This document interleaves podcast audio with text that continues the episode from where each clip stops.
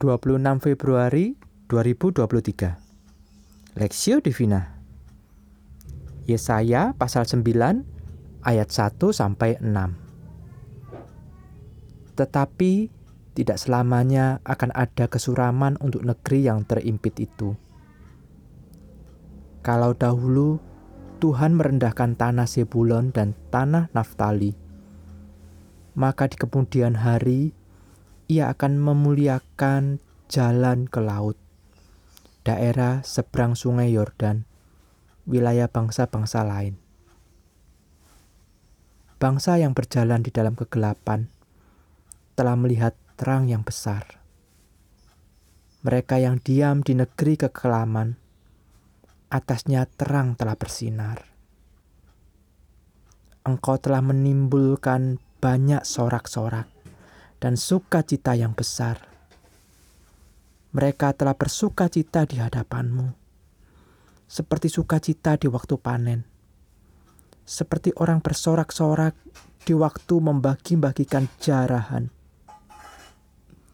Sebab kuk yang menekannya dan gandar yang di atas bahunya, serta tongkat si penindas telah kau patahkan, seperti pada hari kekalahan Median sebab setiap sepatu tentara yang berderap-derap dan setiap jubah yang berlumuran darah akan menjadi umpan api. Sebab seorang anak telah lahir untuk kita. Seorang putra telah diberikan untuk kita. Lambang pemerintahan ada di atas bahunya. Dan namanya disebut orang penasehat ajaib, Allah yang perkasa, Bapa yang kekal, Raja damai.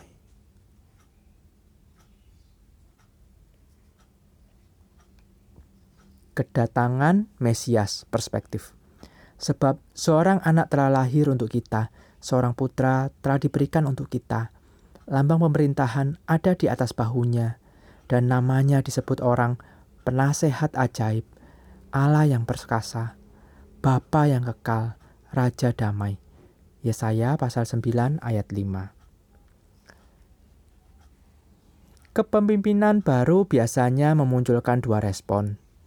Satu sisi, beberapa orang bisa cukup antusias mengingat akan ada suasana baru atau bahkan kebijakan baru.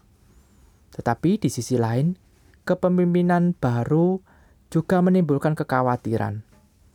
Bisakah dia memimpin lebih baik? Apa dia akan lebih murah hati atau lebih tegas dibanding pendahulunya?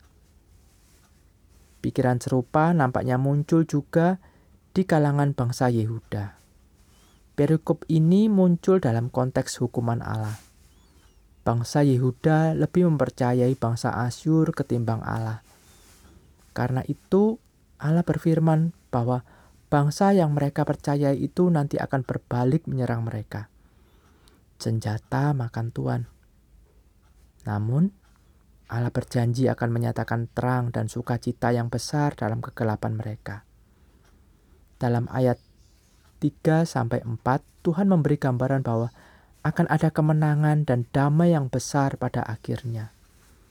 Dan di ayat 5, Tuhan memberitahu bahwa semua itu akan terjadi saat seorang pemimpin baru lahir bagi mereka.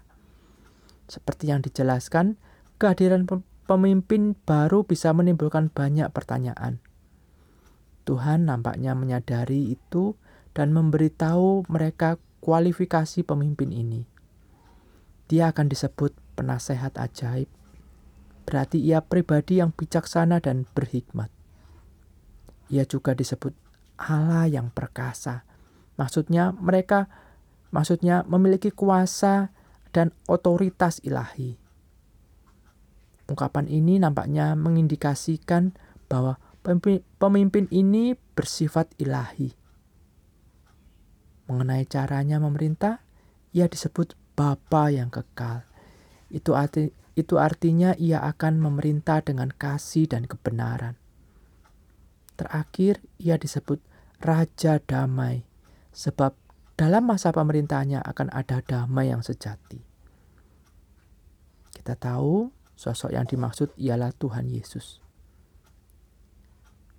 Bila demikian, kita diingatkan bahwa ada penghiburan besar bagi kita. Butuh hikmat menjalani keruwetan hidup. Datang padanya penasehat ajaib. Menanggung yang menanggung beban yang terlampau berat. Minta kekuatan padanya. Allah yang perkasa merasa sendirian dan tidak diperhatikan. Ingat, ada kasih dan kebenaran Bapa yang kekal.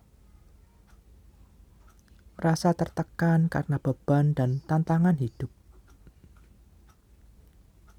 Mintalah damai dari Raja Damai. Sungguh, ini jaminan yang luar biasa. Studi pribadi, bagaimana sifat-sifat Kristus ini memberi penghiburan bagi Anda dalam menjalani kehidupan?